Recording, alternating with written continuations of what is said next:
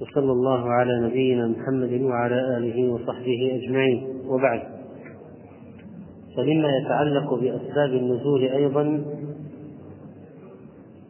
ما ورد في سورة الأنفال. في قول الله تعالى إذ تستغيثون ربكم فاستجاب لكم أني ممدكم بألف من الملائكة مردفين. وما جعله الله إلا بشرى ولتطمئن به قلوبكم وما النصر إلا من عند الله إن الله عزيز حكيم. سبب نزول الآية. روى الترمذي رحمه الله تعالى في سننه عن عمر بن الخطاب رضي الله عنه. قال نظر نبي الله صلى الله عليه وسلم إلى المشركين وهم ألف وأصحابه ثلاثمائة وبضعة عشر رجلا. فاستقبل نبي الله صلى الله عليه وسلم القبلة. ثم مد يديه وجعل يهتف بربه. اللهم أنجز لي ما وعدتني. اللهم آتني ما وعدتني. اللهم إن تهلك هذه العصابة من أهل الإسلام لا تعبد في الأرض. فما زال يهتف بربه مادا يديه مستقبل القبلة حتى سقط رداؤه من منكبيه. فأتاه أبو بكر فأخذ رداءه فألقاه على منكبيه. فأتاه أبو بكر فأخذ رداءه فألقاه على منكبيه ثم التزمه من ورائه. ثم التزمه من ورائه فقال يا نبي الله كفاك مناشدتك ربك كفاك مناشدتك ربك إنه سينجز لك ما وعدك. فأنزل الله تبارك وتعالى إذ تستغيثون ربكم فاستجاب لكم أني ممدكم بألف من الملائكة مردفين فأمدهم الله بالملائكة. رواه الترمذي وقال هذا حديث حسن صحيح. وهذا الحديث يرويه عبد الله بن عباس رضي الله عنه عن عمر بن الخطاب. عبد الله بن عباس بن عبد المطلب بن هاشم بن عبد مناف بن عم رسول الله صلى الله عليه وسلم المولود قبل الهجرة بثلاث سنين المدعو له من قبل النبي عليه الصلاة والسلام بالفهم في القرآن كان يسمى الحبر الحبر البحر. البحر لسعة علمه. قال قال عمر لو أدرك ابن عباس أسناننا ما عثره منا أحد. لو كان في سن كبار الصحابة ما عاد له أحد. مات سنة ثمان وستين بالطائف وهو من المكثرين من الصحابة. وأحد العبادلة من فقهاء الصحابة.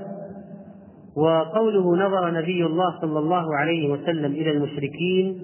وفي رواية مسلم لما كان يوم بدر نظر رسول الله صلى الله عليه وسلم إلى المشركين. أما بدر فهو موضع الغزوة العظمى المشهورة وهو ماء معروف وقرية عامرة وبدر كانت لرجل يسمى بدرا فسميت باسمه.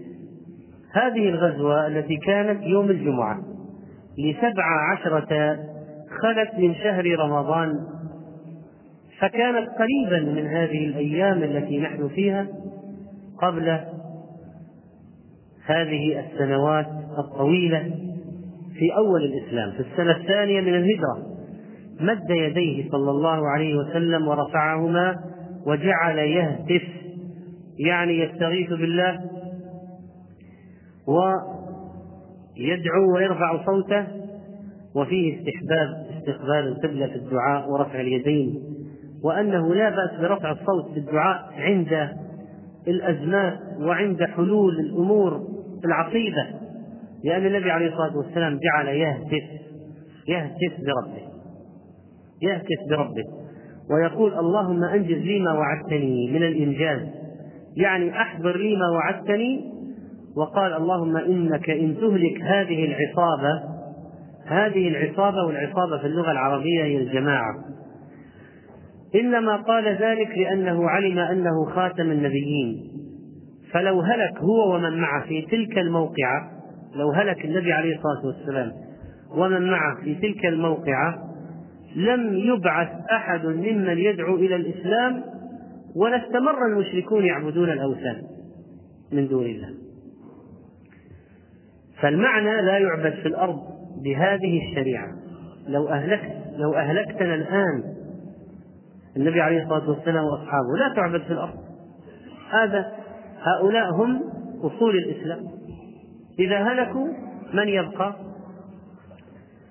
يأتي أبو بكر الصديق يراه يشفق عليه لما يرى شدة الإلحاح ويرى أن النبي عليه الصلاة والسلام يهتف ويدعو ويناشد مناشدة المطمئن الواثق يقول كفاك كفاك حسبك كفاك مناشدتك ربك كفاك مناشدتك ربك فهذا لما رأى ما يفعله النبي عليه الصلاة والسلام ورأى شدة يقينه عرف أنه سيستجاب له. ولا بد عرف أبو بكر لما رأى هذه المناشدة أن الإجابة ستأتي ستأتي فقال كفاك مناشدك ربك لأن الإجابة ستأتي.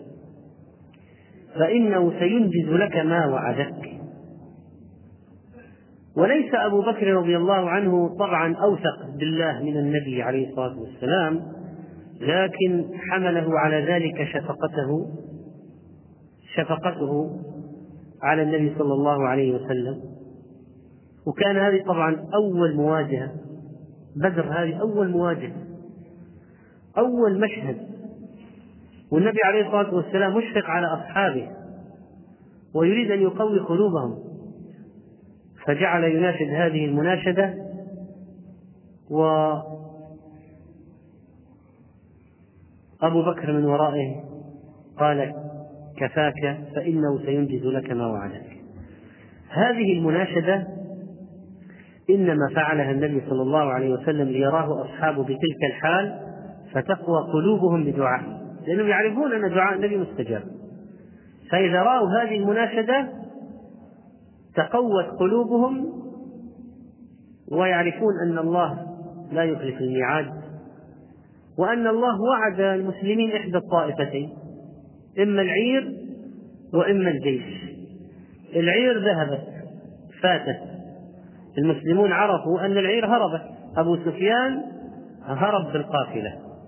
إذا بما أن الوعد جاء إما العير وإما النفير فاتت العير فماذا بقي؟ النفير وهو الجيش فالمسلمون قد علموا ووثقوا والله عز وجل وعد نبيه إما العير وإما النفير فالنبي عليه الصلاة والسلام يعلم يقينا أن الجيش هذا سيكون من نصيب المسلمين. وأن تنجيز الوعد آثم. وإنما فعل ما فعل من المناشدة والدعاء ليتقوى أصحابه. وقال الله إذ تستغيثون ربكم. هذا سبب النزول. إذ تستغيثون سببها مناشدة النبي عليه الصلاة والسلام ربه. تطلبون منه الغوث. فاستجاب لكم أني ممدكم أي معينكم. بألف من الملائكة مردفين يعني متتابعين. يردف بعضهم بعضا.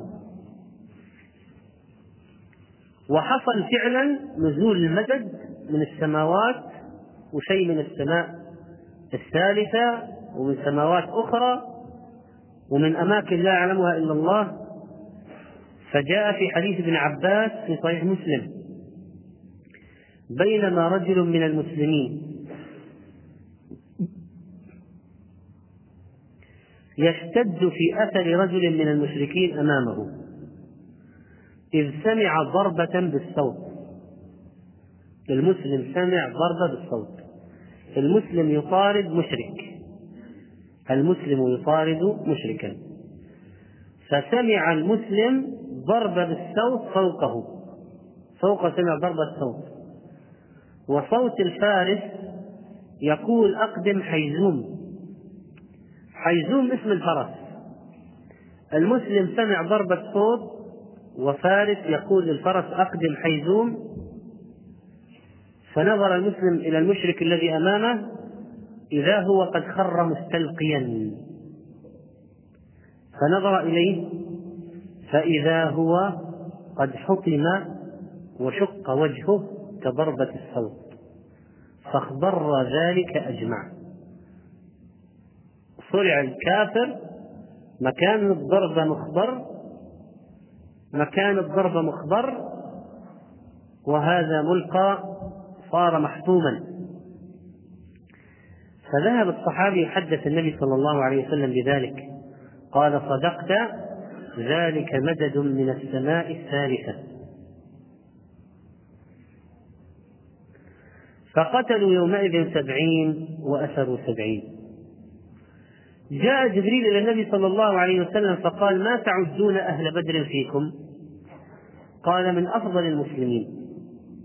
قال وكذلك من شهد بدرا من الملائكة. يعني الذين شهدوا بدرا من الملائكة هم أفضل الملائكة. فكما أن هنالك مسلمون من الإنس بدريون فهنالك ملائكة بدريون شهدوا بدرا. ليس كل الملائكة شهدوا بدرا. اختيار الله عز وجل اختار من الملائكة من أفاضل الملائكة من شهد بدرا. ولذلك كانت العملية بشارة عظيمة من الله فقال وما جعله الله إلا بشرى فجعل بعث الملائكة وإعلام المسلمين بذلك بشرى. ولتطمئن به قلوبكم أن النصر على الإعداء حاصل حاصل. وما النصر إلا من عند الله. فيوحي الله إلى الملائكة أني معكم فثبتوا الذين آمنوا. هذه مهمة. وكذلك يقاتلون الكفار. هذه مهمة أخرى. وليس قتال الملائكة الكفار هو فقط إلقاء الرعب بل الملائكة تقاتل حقيقة. وتقتل وتضرب تضرب وتقتل كما جاء في هذا الحديث. فهي تعين المسلمين وتربط على قلوب المسلمين وتشجع المسلمين وتلقي الرعب في الكافرين وتقاتل والملائكة معها سلاح أسلحة وهذا ملك معه صوت وفرسان وعندهم خيول. يعني هناك جيش من الملائكة. وقد تكرر في غير ما مر حتى في الحروب الحديثة بين المسلمين والكفار شهادات لكفار ومسلمين بأن هنالك من يقاتل مع المسلمين غير الجيش المسلم. فمنهم من يقول رأينا أشياء بيضاء منهم من يقول رأينا عمائم بيضاء منهم من يقول رأينا لحى منهم من يقول رأينا أشكال منهم من يقول فزعنا منهم وربما رصد للكفار صياح شديد قبل القتل قبل الموت. قبل أن يقتل. وستسمع إن شاء الله ستسمع أخبارا قريبا عن ذلك. والله سبحانه وتعالى إذا صدق المؤمنون معه صدقهم وعده لأن الله لا يخلف الميعاد. فإذا لقيتم الذين كفروا فضرب الرقاب حتى يرشد الله المؤمنين حتى أن الله يرشد المؤمنين إلى الأماكن التي يستهدفونها. ضرب الرقاب لأن الرقبة إذا ضربت انتهى. طيب وإذا لم يستطع ضرب الرقبة فالله يرشد المؤمنين إلى مكان آخر حساس. ما هو؟ البنان. واضربوا منهم كل بنان. والبنان هو أطراف الأصابع. لأن لو ضربت هذه تعطل المقاتل. لا يضغط زرا ولا يك ولا ولا يمسك سيفا ولا سلاحا ولا شيء. ولا يطلق صاروخا ولا يتعطل. فقال فاضربوا فوق الأعناق واضربوا منهم كل بنان. والله عز وجل رحيم بالمؤمنين فهو ينزل عليهم السكينة والملائكة والتثبيت بل إذا نعسوا ربما أنه عز وجل ألقى عليهم النوم وأراح أبدانهم قبل المعركة قبل الالتحام. ويرشدهم إلى أين يضربون في أي مكان فوق الأعناق وفوق رؤوس الأصابع. وحتى استراتيجية المعركة وطريقة المعركة. وإنا لننصر رسلنا والذين آمنوا في الحياة الدنيا ويوم يقوم الأشهاد. والله عز وجل قال قاتلوهم يعذبهم الله بأيديكم ويخزيهم وينصركم عليهم ويشفي صدور قوم مؤمنين. والاستغاثة التي جاءت تستغيثون ربكم الاستغاثة طلب العون طلب الغوث والنصر كما أن الاستعانة طلب العون. الاستغاثة منها ما يكون مباحا كطلب الحوائج من الأحياء التي يقدرون عليها. طلب الحوائج المباحة من الأحياء وهم يقدرون عليها. ماذا ما حكم هذه الاستغاثة؟ جائزة والأفضل الاستعفاف عنها لأنها من سؤال المخلوق. إذا استغنى قدر أن يستغني عنها أحسن لأن فيها سؤال المخلوق وسؤال المخلوق يعني مهما كان فيه نوع ذلة للسائل. ولذلك يكره للمسؤول فإذا استغنى أحسن. ومن الاستغاثة ما يكون استغاثة شركية محرمة وممنوعة مثل استغاثة الذين يطوفون بالقبور يستغيثون بهم من دون الله فيما لا يقدر عليه إلا يا أيها الولي فرج كربتي ثقل ميزاني ونحو ذلك وهذا كله حرام لا يجوز. وفي السورة أيضا يعني سورة الأنفال آية أخرى فيها سبب نزول وهي قول الله تعالى يا أيها الذين آمنوا إذا لقيتم الذين كفروا زحفا فلا تولوهم الأدبار ومن يولهم يومئذ دبره إلا متحرفا لقتال أو متحيزا إلى فئة فقد باء بغضب من الله ومأواه جهنم وبئس المصير. روى أبو داود في سننه رحمه الله عن أبي سعيد قال نزلت في يوم بدر ومن يولهم يومئذ دبره. يومئذ يعني يوم اللقاء. دبره إلا متحرفا لقتال أو متحيزا. متحرفا لقتال يعني منعطفا له بأن يريهم القوة أو يريهم الفرار يريهم الفرار مكيدة وهو يريد أن يعود ويكر عليهم ويفاجئ من يتعقبه. فهذا يجوز أن يولي الدبر مسلم من باب الخداع في الحرب والحرب خدعة يولي الدبر وينهزم. فالكافر يتبعه فالمسلم يدور حول شجرة أو شيء ويعود في وجه الكافر فيفاجئه فيطعنه فيقتله. متحرفا لقتال. مكيدا. يختفي ويظهر مرة أخرى مثلا يدور حول شيء ويواجه المتابع له المتعقب أو متحيزا إلى فئة منضما إليهم مثلا إلى جماعة من المسلمين يستنجد بهم أو يتقوى بهم ونحو ذلك. فتوعد الله في هذه الآية الذي يفر بالزحف بالنار من الزحف بالنار. لأن الله قال فقد باء بغضب من الله ومأواه جهنم وبئس المصير والتولي يوم الزحف من السبع الموبقات. ولا يجوز أن يفعله إنسان مسلم في المعركة لأن ذلك يحث في عضد المسلمين. الإنهزام يحث في عضد المسلمين ويشرذم الجيش المسلم ويقطعه أوصالا ويشجع الكفار. ولذلك لا يجوز التولي يوم الزحف حتى لو قتل الإنسان. يعني خلاص ما دام صار في المعركة لا بد ما في خيار آخر. لا يجوز. فلو هرب لا لا لا مجال. يعني يبقى ولو قتل لأن الله قال حرم التولي. الله حرم التولي. فإذا حرم الله التولي والإنسان هذا لا يريد أن يعمل مناورة بإظهار الهزيمة أو الانسحاب ولا ينضم إلى طائفة أخرى تحتاج إليه من المسلمين أو هو يأتي بهم أو يستنجد أو يأتي بمعونات إلى أرض المعركة فلا يجوز أن يتولى. ولو مات خلاص يواجه حتى الموت.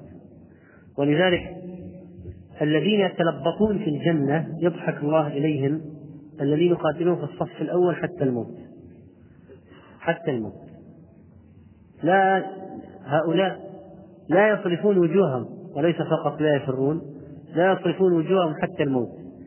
فهؤلاء يتربطون في في الجنة, في الجنة. في النعيم المقيم يضحك إليهم ربك ومن ضحك إليه الله فلا عذاب عليه. إذا ضحك عبد ربك إلى عبد فلا عذاب عليه. فالفرار من من من من العدو والتولي يوم الزحف من الكبائر. وهذه من السبع الموبقات التي أخبر عنها النبي صلى الله عليه وسلم. وقد كانوا يبايعون على ذلك يبايعون على عدم الفرار. كان النبي عليه الصلاة والسلام يأخذ من الصحابة البيعة على عدم الفرار.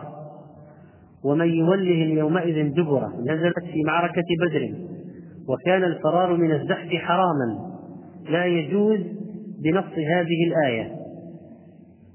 وهذا الأمر مقيد بالآية التي فيها أن المسلمين إذا كانوا نصف عدد المشركين فأكثر لا يجوز الفرار. فمن فر من اثنين فهو فار من الزحف.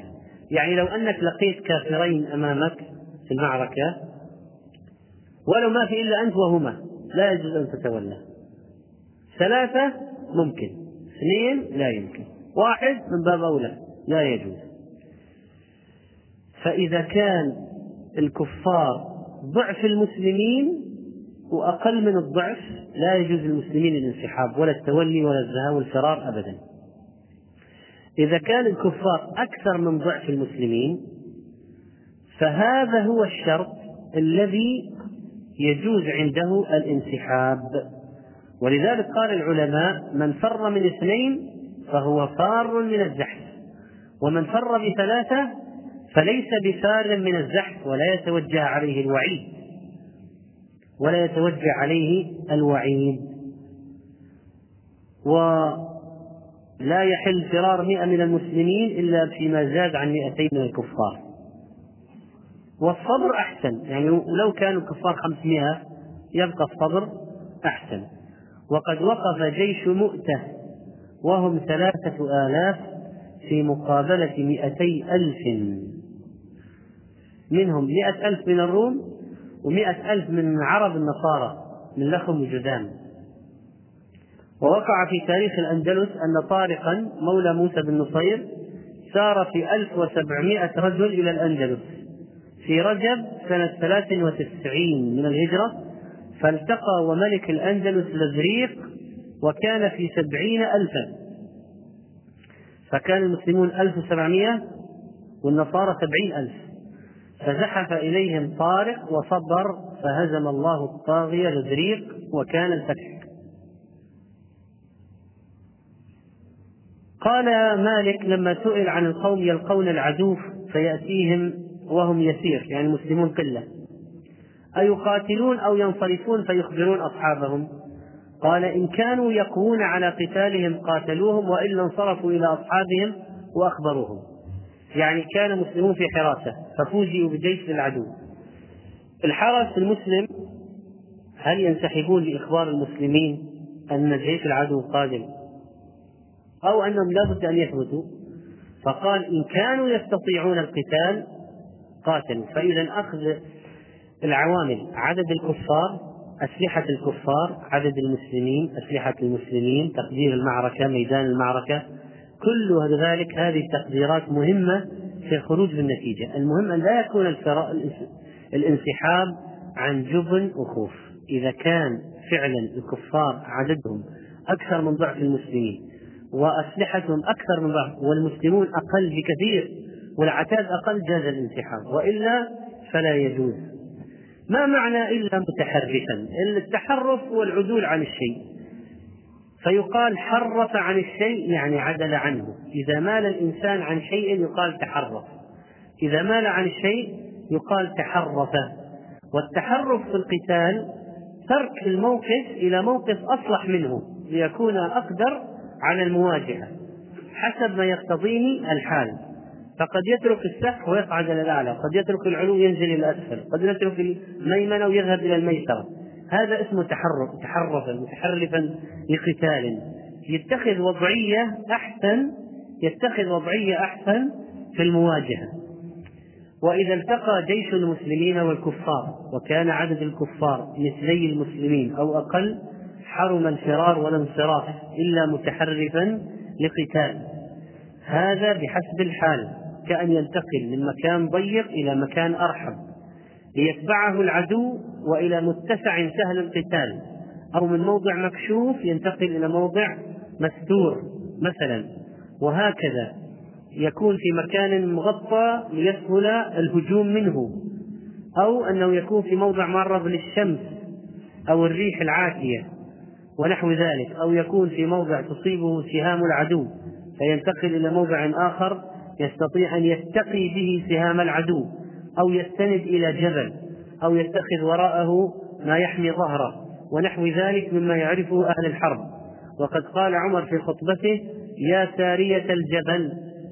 وكان قد بعث سارية ومعه ناس من المسلمين إلى العراق للغزو.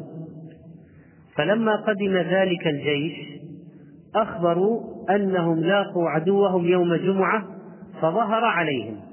الآن شوف رجع جيش سارية من العراق. فخبروا أهل المدينة قالوا نحن كنا بالعراق ولما التقينا الكفار هزمونا. فسمعنا صوت عمر ونحن بالعراق سمعنا صوت عمر يقول يا سارية الجبل يا سارية الجبل. يا سارية ابن الزنيم الجبل الجبل. طبعا عمر هو كان يخطب عمر وقالها فجأة عن المنبر. فجأة قطع عمر الخطبة وقال يا ساري الجبل ما عرف الذين أمامه إيش يعني إيش هذه الكلمة؟ إيش؟ في هذا الوقت في هذا الموضع وين سارية سارية في العراق راح. وهو يقول يا ساري بن زني يمر الوقت كم شهر أكثر؟ المهم يأتي جيش سارية عائد المدينة. يقولون في الوقت الفلاني في الجمعة الفلانية. ونحن واجهنا العدو. حصلت علينا الهزيمة. فسمعنا صوت عمر يقول يا ساري الجبل. فالتجأنا إلى الجبل وكررنا كرينا عليهم فهزمهم الله. إيش هذا؟ النبي عليه الصلاة والسلام قال أن في أمته أناس محدثون يعني ملهمون. يعني يلهمهم الله في نفوسهم أشياء من الحق والواقع. توفيق إلهي. فعمر واحد منهم. إنه محدث ملهم. فأثناء الخطبة عمر أحس إحساس داخلي بما ألقاه الله في نفسه أن سارية في وضع صعب وأن الجبل هو الحل. فصرخ فمن كرامات أولياء الله الصالحين أن الله أوصل صوت عمر لسارية واتخذ المسلمون موقعا وغار صار ظهروا من الجبل كروا على المشركين وصارت الهزيمة انقلبت إلى نصر للمسلمين. فهذا إيش؟ هذا؟ هذا من كرامات أولياء الله. والقصة ثبتت قصة سارية فإذا هي من كرامات عمر رضي الله عنه. والله عز وجل قادر أن يوصل صوت الشخص إلى كل الع... إلى ما يعني الله قال لإبراهيم وأذن في الناس بالحج يأتوك رجالا. وين أذن؟ إبراهيم يعني مهما قال أيها الناس إيش قال إبراهيم؟ يا أيها الناس إن الله كتب عليكم الحج فحجوا. أذن في الناس بالحج. هذا هذا طيب وبعض كيف جاءوه من آخر الدنيا الناس؟ يأتوك رجالا وعلى كل ضامر. لأن الله أمره بالبلاغ وتكفل الله بإبلاغ. الصوت إلى الناس بلغ بلغ الأرض. هذه من معجزات إبراهيم إن أن صوته بلغ الأرض فجاءوا للحج. وعلى كل ضامر يأتينا من كل فج عميق آخر الدنيا. فيأتون. فإذا يعني لا يستغرب ولا يستنكر. إذا ثبت ذلك فهذا من كرامات من كرامات الأولياء أولياء الله عز وجل. التحيز والتحرف يكونان فيما إذا التقى المسلمون والكفار في الحرب. والتحم الجيشان. فالمتحيز إن وجد من نفسه أنه لا قدرة له على المواجهة والظفر لكثرة عدد العدو وعدده إلا أن يرجع ويستغيث بمسلمين ويستنجد ويستنصر ويأتي بهم فيباح له الانحياز إلى فئة ليتقوى بهم ويرجع إلى ميدان المعركة وإلى المواجهة وليس للهزيمة. كذلك التراجع لاستدراج العدو إلى كمين.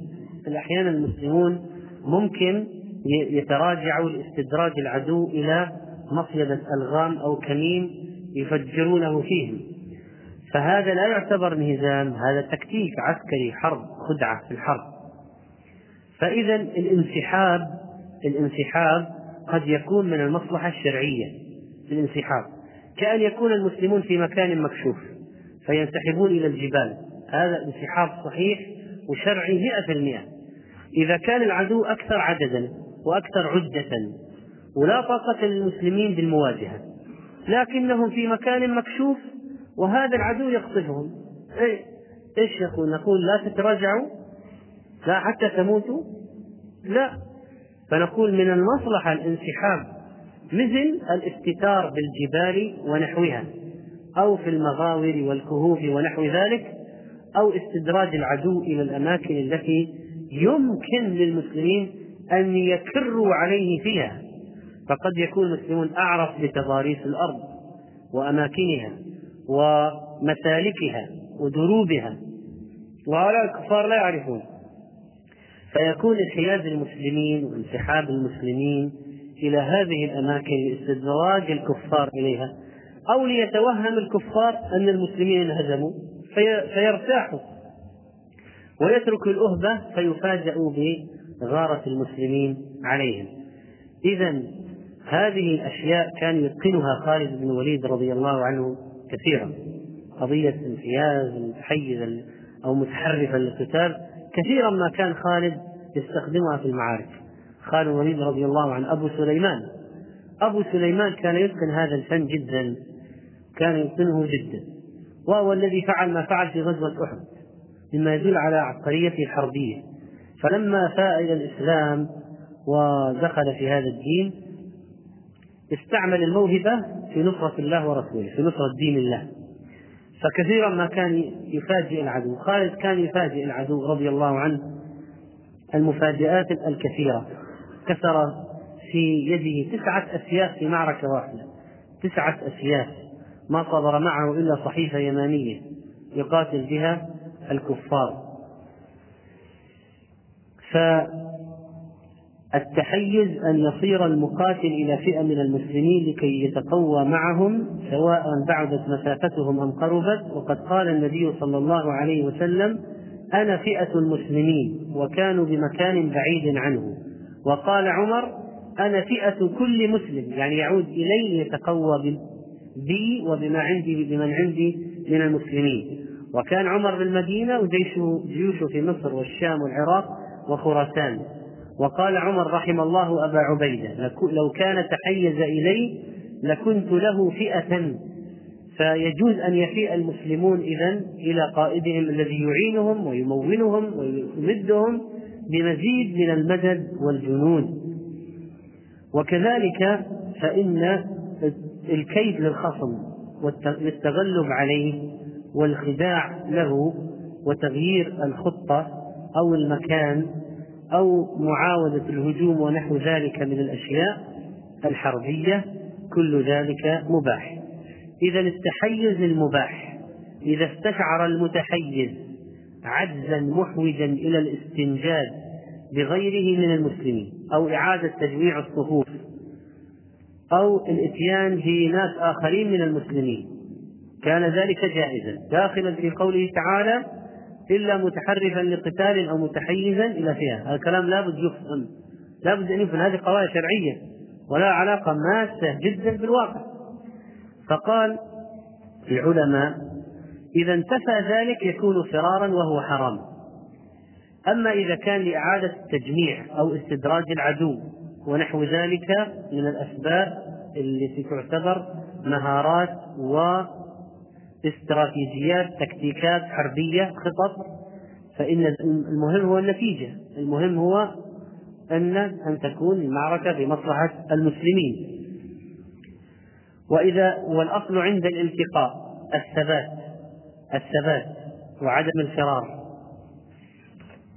وعد النبي صلى الله عليه وسلم الفرار من الزحف كما تقدم من الموبقات والزحف الدنو قليلا. هذا هو الزحف أن يدنو قليلا قليلا.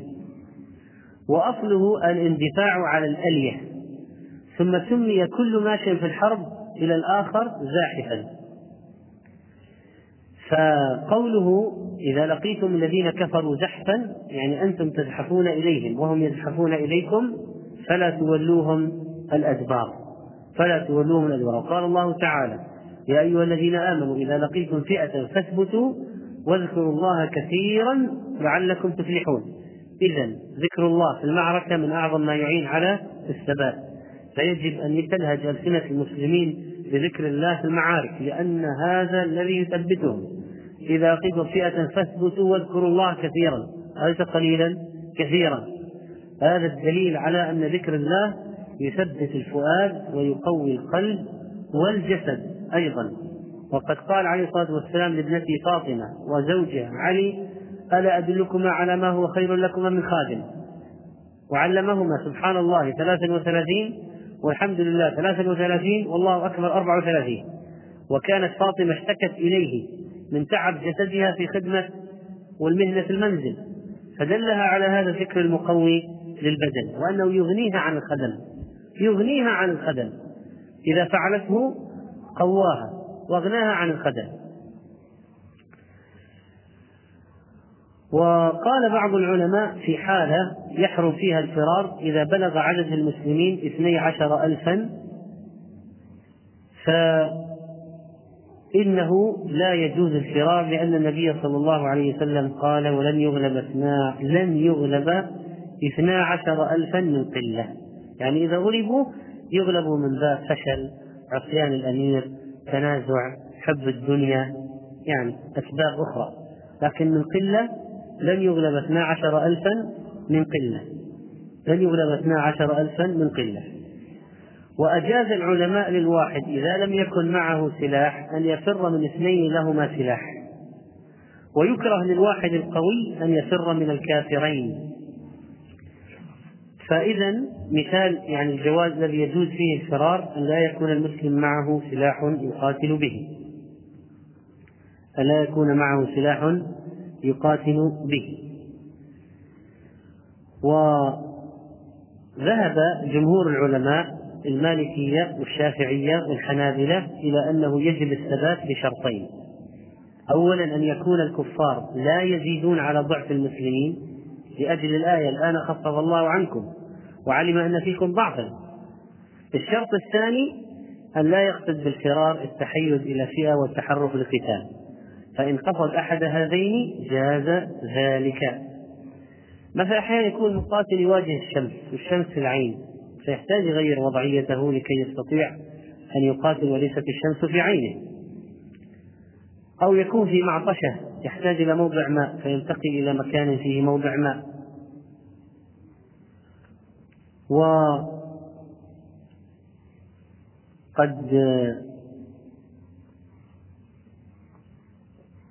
انسحب خالد رضي الله عنه بجيش المسلمين في مؤتة وكان الانسحاب جائزا واصلا عدد المشركين كان اضعاف أضعاف عدد المسلمين.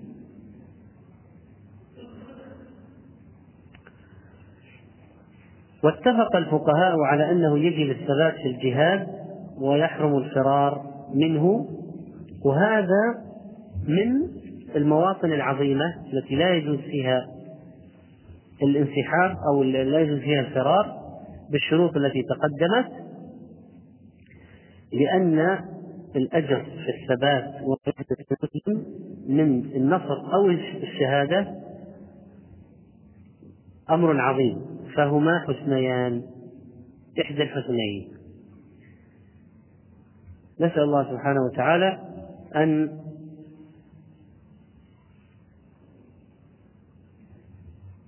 يثبت أقدامنا وينصرنا عن القوم الكافرين يقول السؤال أنا مدرسة وعندما تأتي الدورة أقرأ من التفاسير هل هذا صحيح؟ نعم إذا كان التفسير أكثر من القرآن يعني أكثر من كلمات التفسير أكثر. يعني هذا يقال عن تفسير وليس قرآن بهامشه شرح المفردات لأن المصحف إذا كان بهامشه شرح مفردات فهو لا يزال مصحفا. أما التفسير معروف التفسير يكون شرح الآيات أكثر من الآيات في الكلمات يعني في الكلمات. فخرج عن كونه مصحفا. يعني الآن لو أنت أخذت مثلا تفسير ابن كثير مثلا طبعة أربع مجلدات في طبعتان مجلدات طيب. هل تسمي هذا مصحف؟ تفسير ابن كثير تسميه مصحف؟ لا لكن في مصاحف طيب مجلد واحد بهامش المصحف في شرح مفردات شرح المفردات قليلة لا تخرجه عن كونه لا تخرجه عن كونه إيش؟ مصحفا إذا هذا هو الضابط في الموضوع إذا كان لا يزال هذا تقول عنه عرفا تقول عنه مصحف وما وجد بالهامش هذا يسير. إذا لا يجوز حاضا تمسه أما إذا عرفا تقول ما تقول عن مصحف تقول هذا تفسير. هذا تفسير الطبري هذا تفسير ابن كثير. تفسير تفسير ابن سعدي. تفسير. ليس مصحف تفسير. يقول اشتريت من امرأة شيئا ب 47 ريال ودفعت لها 50 واعتبرت الباقي صدقة لعلمي فقرها، هل هذا يعتبر حرام أم رشوة؟ ليش رشوة؟ إذا كانت تملك هو الشيء واشتريتيه منها واعتبرت الباقي صدقة عليها فهذا لحاجتها وفقرها فهذا أمر طيب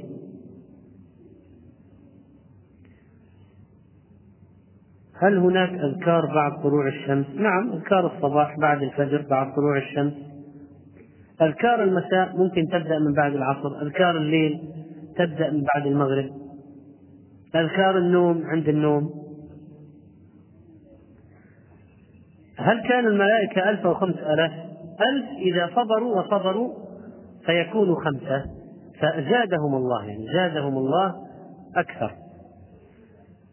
أفطرت وشربت الدواء لألم في بطنها ولم تبلغ. هل تقضي ذلك اليوم؟ لا ليس عليها قضاء لكن إن قضت أحسن. من باب التعويد من باب التعويد. تذكرت أني لم أصلي المغرب وأنا في الركعة الأولى من الشفع فأتممت الركعتين ثم نويت المغرب قبل الوتر فقمت بركعتين بعد السلام. يظهر لي أن صلاتك صحيحة لأنك نويت المغرب قبل ركعة الوتر ثم دخلت مع الإمام. الإمام صلى الوتر وأنت أكملت ركعتين بعد بنية المغرب فصلاتك صحيحة.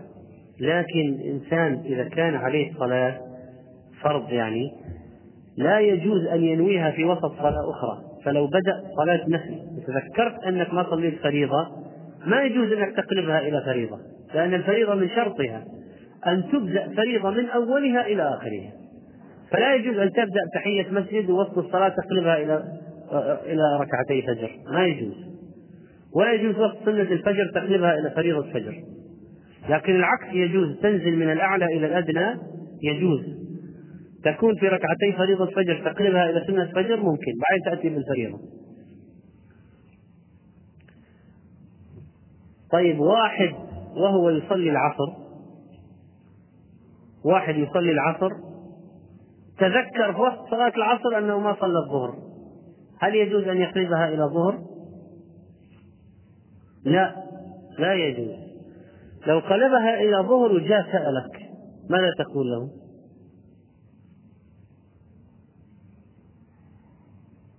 أيوه إيش تقول له؟ تقول له لا تنفعك لا ظهر ولا عصر لا تنفعك لا ظهر ولا عصر نعم لأنك وسط الظهر أنت قلبت إلى وسط العصر قلبت إلى ظهر. وسط صلاة العصر. نيتك فيها عصر. في الركعة الأولى سويتها ظهر. لا تنفعك لا ظهر ولا عصر. لا أنت الذي أكملتها عصرا ولا أنت الذي بدأتها ظهرا. إذا لا تنفع لا ظهر ولا عصر. إذا ماذا يفعل الإنسان لو تذكر أثناء صلاة العصر أنه ما صلى الظهر؟ يكمل العصر عصرا ثم يصلي الظهر ومخالفة الترتيب الواجب معذور فيه لنسيانه.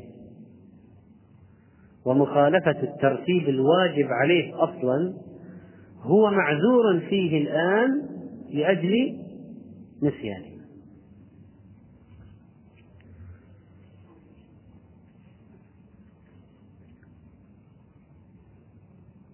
أنا من سكان مكة قدمت الخبر لتجربة عمل في شركة لا أدري ماذا سيقررون في أمري سأذهب للعمرة. ما دام ما غيرت إقامتك ولا زال إقامتك في مكة وبيتك لا زال في مكة فيجوز لك أن تحرم من ميقات أهل الشرقية ويجوز لك أن تذهب إلى مكة وتخرج إلى الحل تحرم من هناك. أنت مخير. لك بيتان لك بيت في مكة فيجوز أن تحرم يكون حكمك حكم أهل مكة يجوز. تحاميل الحرارة للصائم لا تفطر على الراجح. الحقن الشرجية لا تفطر على الراجح.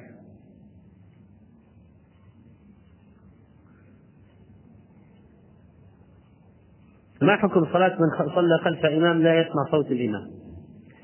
إذا كان لا يسمعه أبدا لا يجوز الاقتداء. لا يجوز أن يقتدي المأموم بإمام لا يسمع صوته. لكن لو كان انقطع الصوت ورجع.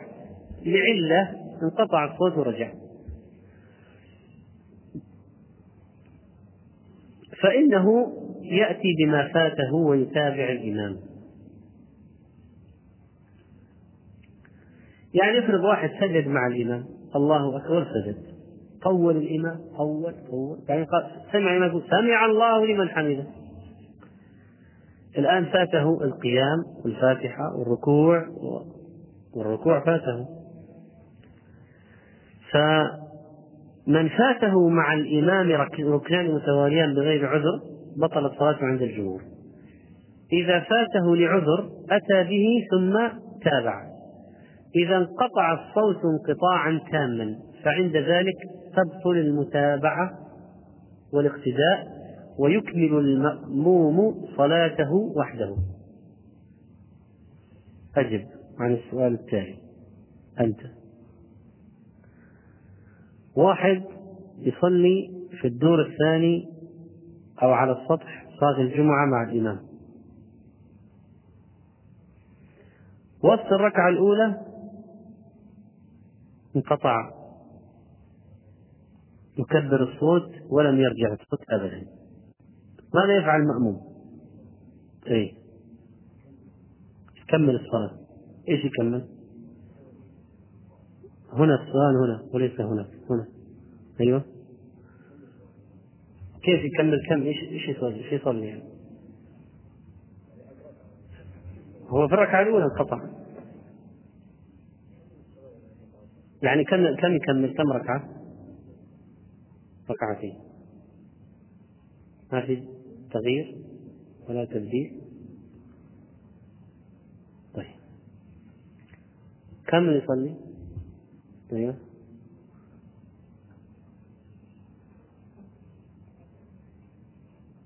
ركعتين. انقطع انقطاعا كليا داخل حدود المسجد عشان انقطع انقطاعا كليا طيب كم يصلي؟ في الركعة الأولى. نعم. ركعتين طيب. كم يصلي؟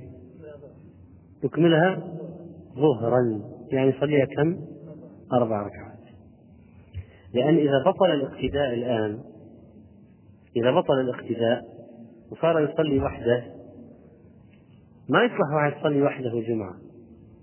إذا فاتته الجمعة إذا فاتته يصليها ظهرا أربعا.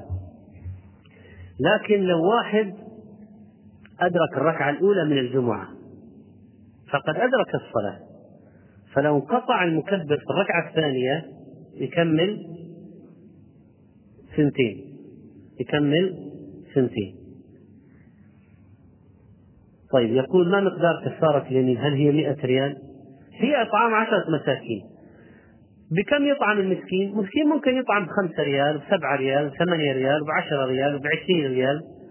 يعني هذه مسألة أنت وأنت وما أنت وما تجود به نفسك. فإذا كفارة اليمين ليست مقدرة بالمال. كفارة اليمين بالطعام. بالطعام عشرة مساكين. ممكن توكل جمعية خيرية تشتري لهم طعام تقول هذه 100 ريال. اشتروا عشر وجبات طعام وزعوها على عشر مساكين. وما زاد صدقة. نعم.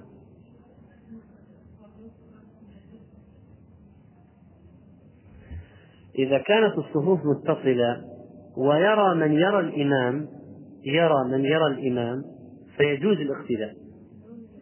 ولو ما سمع لأنه هذه مساجد المسلمين من قديم. وليش المبلغ يوجد؟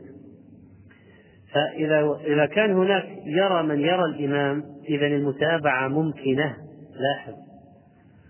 المتابعة ممكنة. إذا كان الصف الثاني يقتدي بالصف الأول. الآن الصف الأول يقتدي بالإمام.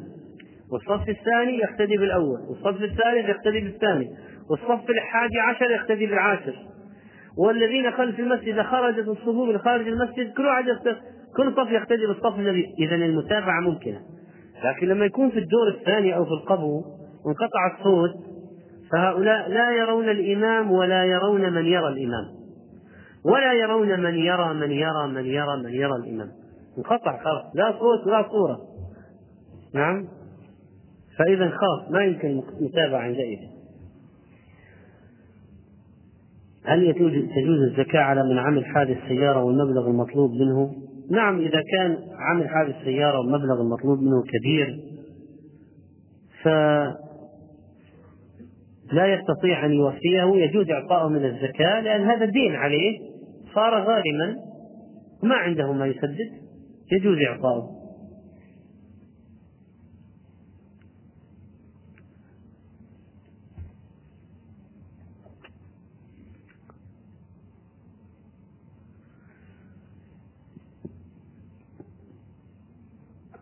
ألا يكفي ملك واحد يساعد المسلمين؟ نعم ممكن يكفي. يعني جبريل وحده وحده جبريل قلب عالية سافلة ضرب بجناحه القرية طارت في الهواء ممكن. لكن الله عز وجل من كرامة المؤمنين عليه ما أرسل ملك واحد. ألف وخمس آلاف مع واحد مو كافي. يعني الله عز وجل يعطي الملائكة قوة عظيمة. وجاء ملك الجبال ملك الجبال النبي عليه الصلاة والسلام. قال لو شئت أطبقت عليهم الأخشبين. بس كذا الجبلين كذا خلاص. مكة تروح كلها. قريش كلها في أطبقت عليهم الأخشبين بس جبلين كذا. قال لعل الله يخرج من أصلابهم من يعبد الله. إذا ممكن ملك واحد يكفي جدا وزيادة. لكن الله من كرامة المؤمنين عنده أنه يعطيهم ألف وخمس آلاف. يعني هذا كله زيادة للإكرام والتثبيت والنصرة. وما يعلم جنود ربك إلا هو.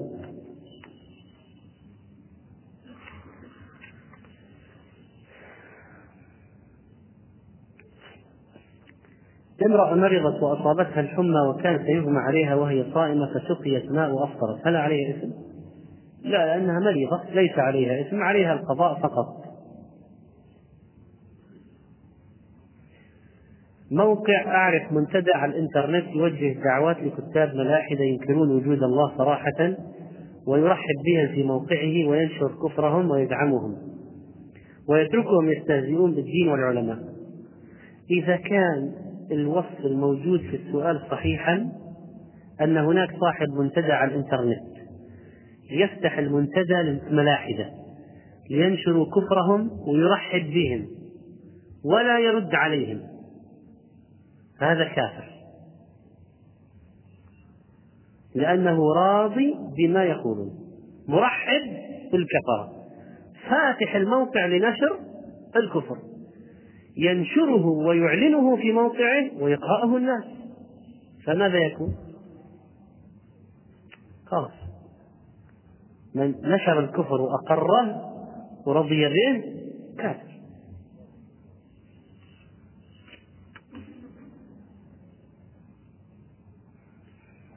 يقول وقد نصحته كثيرا وتم وتم و ولم يعد عن طريقه ومنهجه وأسست قائمة بريدية خصصتها لفضحه والتشهير به فهل هذا التصرف سليم؟ إذا وعظ فلم يستعظ. وقال أنا عندي حرية الفكر. حرية الفكر. المنتدى مفتوح. اللي يبغى يلحد أهلا وسهلا. الذي يريد أن يكتب الكفر أهلا وسهلا. أنا حرية. عندي حرية. المنتدى مفتوح. اللي يبغى ينشر كفر ينشر يبغى ينشر إسلام ينشر. هذه حرية كفر وليست حرية فكر. هذه حرية كفر. وإذا رضي بما هو مكتوب في المنتدى كافر كألف فاء إذا رضي بما ينشر في المنتدى هو ووضعه يدل في الظاهر يعني على رضاه. لأنه لو كان غير راضي لو كان كاره للكفر هذا كان حذفه كان رد عليه كان منع الكاتب هذا يكتب. لكن ظاهر حاله الرضا والإقرار. ليش ما حدث ليش ما رد عليها؟ ليش ما منع الكاتب هذا؟ ليه؟ فظاهر أمره الرضا. والرضا بالكفر كفر. المشكلة بعض المسلمين يعني من غبائهم. ما أدري هم مسلمين ولا لا. يعني يقولون لازم يكون عندنا ديمقراطية حرية. لازم نوري الكفار أن عندنا انفتاحية و... اللي يبغى يكفر يكفر. أه ينشر كفره ينشر. ينشر كفره سبحان الله. سبحان الله العظيم. إنها لإحدى الكبر. حدثني أحدهم أن علامات الساعة الصغرى ظهرت كلها. يعني ظهر أكثرها يمكن بقي ثلاثة أو نحو ذلك. يعني يحسب الفرات عن جبل من ذهب. يعني بقي كم كم علامة. ولا فعلا هو أكثرها ظهر خلاص. أكثر علامات الساعة الصغرى قد ظهرت.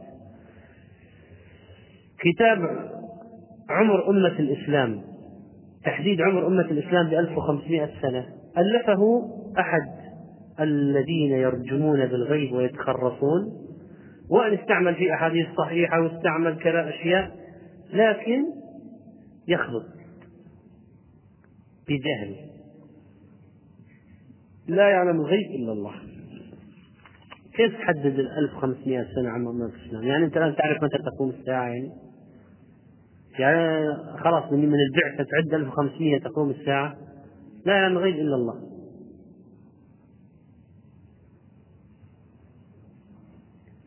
يقول في إحدى المعارك حاصر الكفار المسلمين وطلب الكفار مددا فجاءت فجاءت طائرتهم وألقتها عليهم بدلا من تلقيها على المسلمين. نعم هذه إحدى يعني أوجه التي ينصر الله بها المسلمين.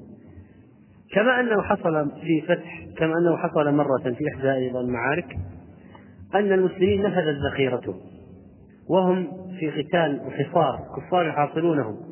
والمسلمون نفذت ذخيرتهم. وخلاص بقي الاستسلام ما بقي إلا الاستسلام والمجزرة. فإذا بطائرات تأتي وتلقي صناديق فيها ذخيرة. فيفتحونها يفتحها المسلمون ويجدون ذخائر يأخذونها يقاتلون يفتح الله عليهم. فلما تحققوا من الأمر قال اتضح أن الكفار طلبوا مدد ومعونة. فالطائرات بدل من تأتي تلقيها على أصحابهم يعني ليستفيدوا منها بالخطأ وقعت عند المسلمين وأخذوها واستفادوا منها. فإذا يعني ربك على كل شيء قدير. يعني الله سبحانه وتعالى يفعل ما يشاء ويعمي أبصار هؤلاء ويقضي بالنصر لهؤلاء والنصر من عنده عز وجل. وما رميت إذ رميت ولكن الله رمى. بقية الأسئلة ستؤجل إلى الغد إن شاء الله. وصلى الله على نبينا محمد.